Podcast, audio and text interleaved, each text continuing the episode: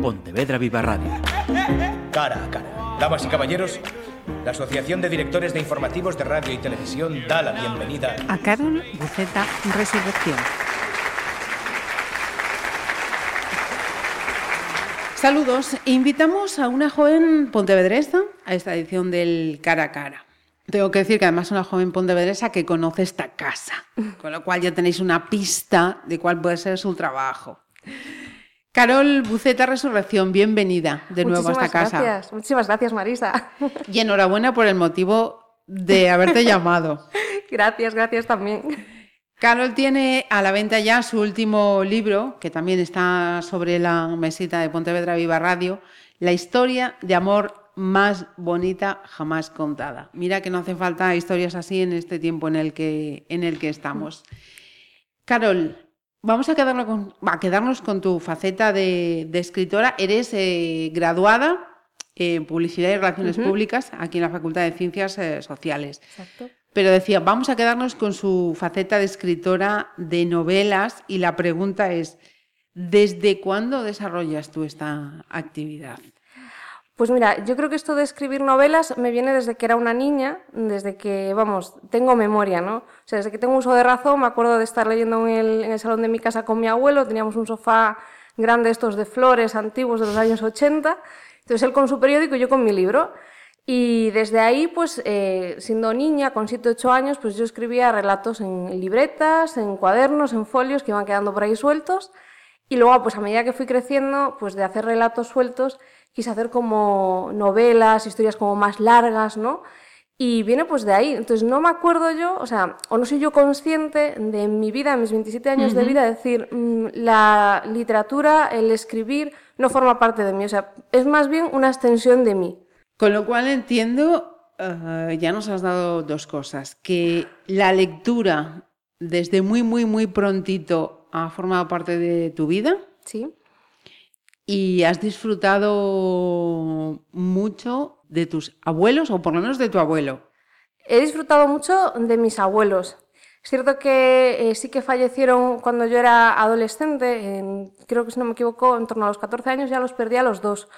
Pero sí que con mi abuelo especialmente sí que tenía ese vínculo porque me llevaba siempre al cole, eh, era quien me llevaba al parque, eh, bueno, pues la lectura, ¿no? Yo me acuerdo siempre los fines de semana estar en casa en el colegio y despertarme pronto ir a la habitación y decirle, abuelo, tienes que ir a comprar el periódico. ¿no? Y mi abuelo bajaba al kiosco a comprar el periódico y entonces volvía, desayunaba, ¿no? Y yo allí sentada, ¿no? Leyendo, ¿no? Y en mi casa pues siempre había enciclopedias, colecciones estas tipiquísimas con 50 libros eh, clásicos, ¿no? Y, y bueno, eh, ha sido siempre eh, esa relación, ¿no? O por lo menos la relación con mi abuelo yo la recuerdo así. Quizás esté un poco, ¿cómo decirlo?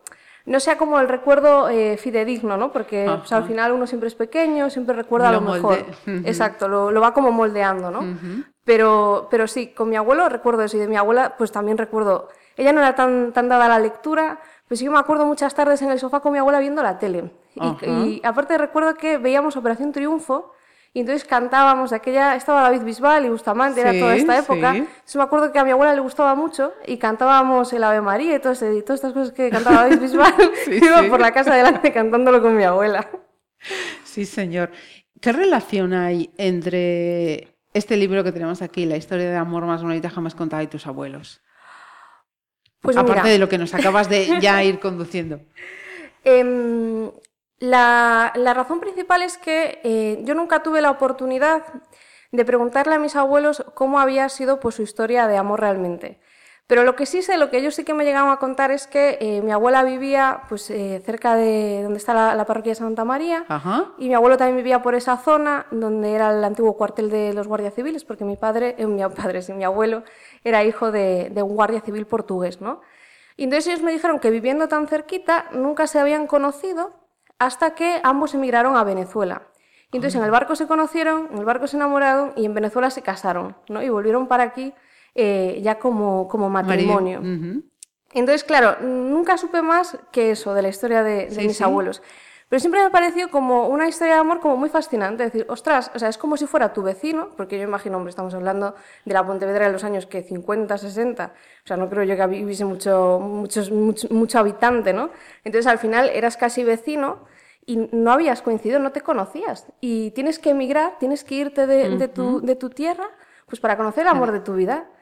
Y entonces, bueno, eso fue un poco el germen de, de, la historia de amor más bonita jamás contada, ¿no? El querer contar pues eh, una historia de amor bonita, estas que digamos como que te conmueven por dentro, pero no en el sentido de novela súper romántica, empalagosa, sino pues de la vida real, o sea, de personas que se pueden conocer. Grandes historias que tenemos alrededor, ¿no? Exacto, o sea, sobre todo eso, que puede ser pues la historia a lo mejor pues de tus propios padres, de tus abuelos, de tus tíos, y que a lo mejor nunca te has atrevido a preguntar, oye, ¿cómo conociste al abuelo? ¿no? O ¿cómo os conocisteis, mamá, papá?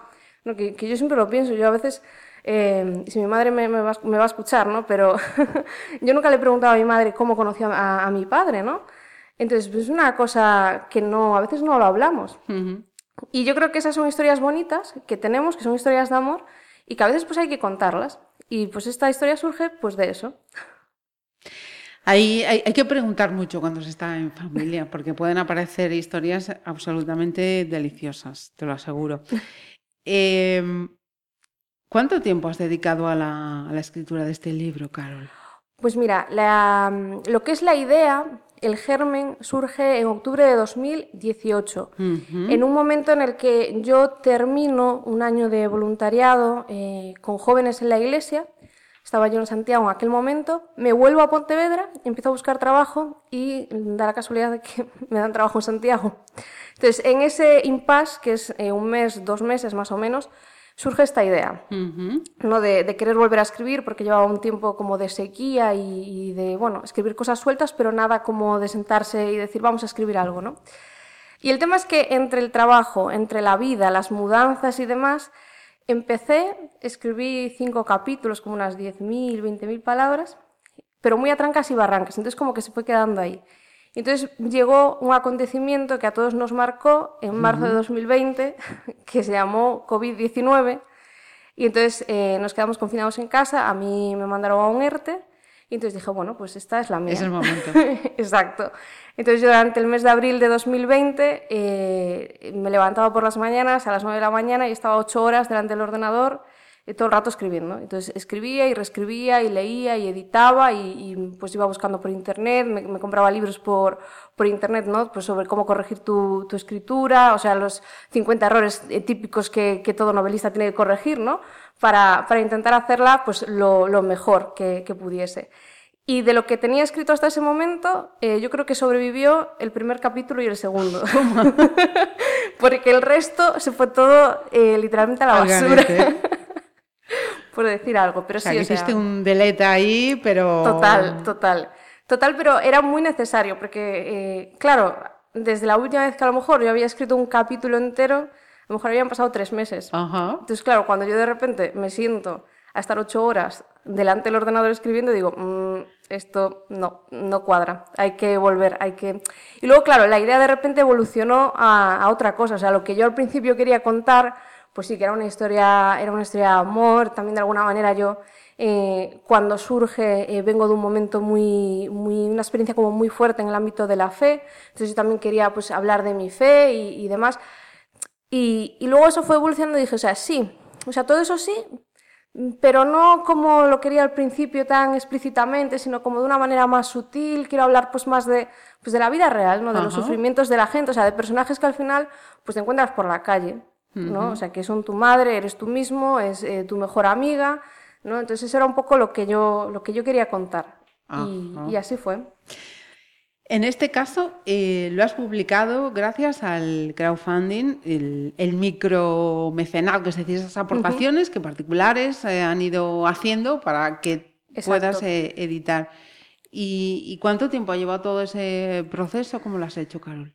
Pues mira, em, al principio tengo que decir que sí que es cierto que me puse en contacto con varias eh, editoriales, intenté mandar la obra a algún concurso, bueno, intenté buscar otros cauces ¿no? para la publicación. Como vi que entre mi tiempo, entre que muchos cauces se cerraban, etcétera, etcétera, pues me encontré con libros.com y este tema del, del, crowdfunding, del micromecenazgo, me pareció un tema interesante. Entonces empezamos, eh, si no me equivoco, en junio de 2019 empezaron los primeros contactos, lo estoy diciendo bien, 21, perdón, junio de 2021. Estábamos en la pandemia cuando te pusiste Estaba yo ya, sí. sí, junio de 2021. Y en septiembre de 2021 a finales, mm, igual me engaño, pero creo que fue el 18 de septiembre cuando empezamos la campaña de crowdfunding hasta el 22 de octubre, si no me equivoco de 2021. Y bueno, en ese mes pues fue ir un poco eh, contacto tras contacto, eh, muchos amigos. O sea, mi madre de repente hizo una campaña brutal, entonces a todos sus compañeros del trabajo les estaba hablando de la novela de su hija. Eh, mis, mejores amigos pues también hablaban con amigos, de amigos. ¿no? Y, bueno, luego compañeros del trabajo que también, así como de manera espontánea, pues también se decidieron sumar al crowdfunding, ¿no? Mira, solemos ser muy pudorosos a la hora de hablar de, dinero. Mm, si quieres lo podemos decir y si no, no, pero es muy costoso sacar adelante un crowdfunding para editar un libro. En cuanto en cuestión económica, eh, al principio la cifra asusta, porque eran 4.500 euros los que había que conseguir y yo pensaba, madre mía, ¿cómo vamos a conseguir tanto dinero? Claro, a mí me parece tanto dinero, ¿no? Eh, pero luego la gente es tan generosa, Marisa, pero tan generosa de decir, claro, le dices tú, jo, es que tengo esta idea, esto es un sueño que tenía yo de niña, porque es, realmente es así. O sea, yo, siempre quise eh, publicar, ver publicadas mis novelas, y de repente, claro, la gente empieza a apostar por ti, ¿no? Y gente a lo mejor, pues eh, con esto de crowdfunding, yo volví a hablar con gente que estaba en la universidad, que hacía años que no veía, años con las, con pues porque la vida te va llevando por, por otros caminos y pues no, no coincides, no te sale enviar un WhatsApp ni nada. Y con esta tontería tontería entre comillas, entiéndaseme, ¿no? Pues sí que volvimos a, saber los unos de los otros, ¿no? De, nuestra vida, de cómo estábamos, de, si estábamos, seguíamos aquí en Pontevedra, si nos habíamos ido a otro lado y tal, ¿no? Entonces, eh, yo resaltaría mucho la generosidad de la gente, ¿no? Luego es costoso, eh, que a mí es lo que más me cuesta, es el estar pendiente siempre. Claro, eh, al final el crowdfunding requiere un compromiso con las personas que apuestan por ti, por el proyecto, o sea, con todos esos mecenas, que en este caso yo creo que eran 160 y, mm, no quiero decir más la cifra, así que voy a decir más de 160 personas, ¿no? Y tienes que estar pendiente de todos ellos, ¿no? Porque, oye, ¿cómo va la novela? ¿Cómo está? ¿En qué punto? ¿Lo envías? ¿No lo envías? Yo sé que, de hecho, aprovecho aquí, hago un Sí, por favor. Si alguien me escucha ahora mismo y todavía no ha recibido el libro, por favor, que no se preocupe porque o está en mi casa esperando a ser firmado o está de camino porque con todo este tema de los transportes, pues algunos sí que se están retrasando, ¿no? Pero, pero sí, yo creo que lo más costoso es ese estar pendiente y ese agradecer a la gente y mostrar ese agradecimiento cuando hacen una apuesta. Sobre todo gente que no te conoce, porque a mí, eso ya digo, compañeros de trabajo de mi madre o amigas de mi madre, que no tienen ni idea de quién soy yo, pero han conocido a mi madre y han dicho, bueno, pues... Vamos a dar ese voto de confianza, claro que sí. Exacto. Em, como publicista, eh, aquellos que estén oyendo por primera vez hablar de esta historia de amor más bonita jamás eh, contada, ¿qué les puedes eh, decir para que digan, quiero comprar la novela? Pues yo les diría em, que la historia de amor más bonita jamás contada es la historia de una persona normal. Y posiblemente sea la persona de quien ahora mismo nos está escuchando, o sea, la historia, perdón, de quien ahora mismo nos está escuchando. Es una persona que se levanta tarde por las mañanas, que se olvida de enviar correos, eh, una persona que llega tarde a todos lados, como yo últimamente, ¿no? Em, y que es una historia de dos personas, dos mujeres, que, están intentando buscar su, espacio en el mundo y encontrar un poco de sentido también eh, a su propia vida, ¿no? Y es una, historia que yo creo que quiere dar un poco de luz. Entonces, si quien nos está escuchando a lo mejor eh, pues está en ese momento de duda existencial o de decir, jo, soy la única persona que no, sabe qué quiere hacer con su vida, pues yo le invitaría mucho a, a leer la novela, porque sin ser pretenciosa, y a lo mejor esto suena un poco pretencioso, yo creo que Ana y, Lucía quieren ser precisamente eso, un poco de luz en este mundo que ahora mismo pues también está un poco lleno de oscuridad. Tan falto, sin duda alguna, Carol. Y además hay una introducción aquí, acabas de citar a, dos mujeres, pero hay aquí otras mujeres a las que también mencionas antes de empezar. Sí, sí. Eh, hay tres mujeres, eh, para ser exactos, ¿no? Que la primera es mi madre, que yo creo que es y seguirá siempre siendo siempre eh, la mujer más fuerte que he conocido en mi vida.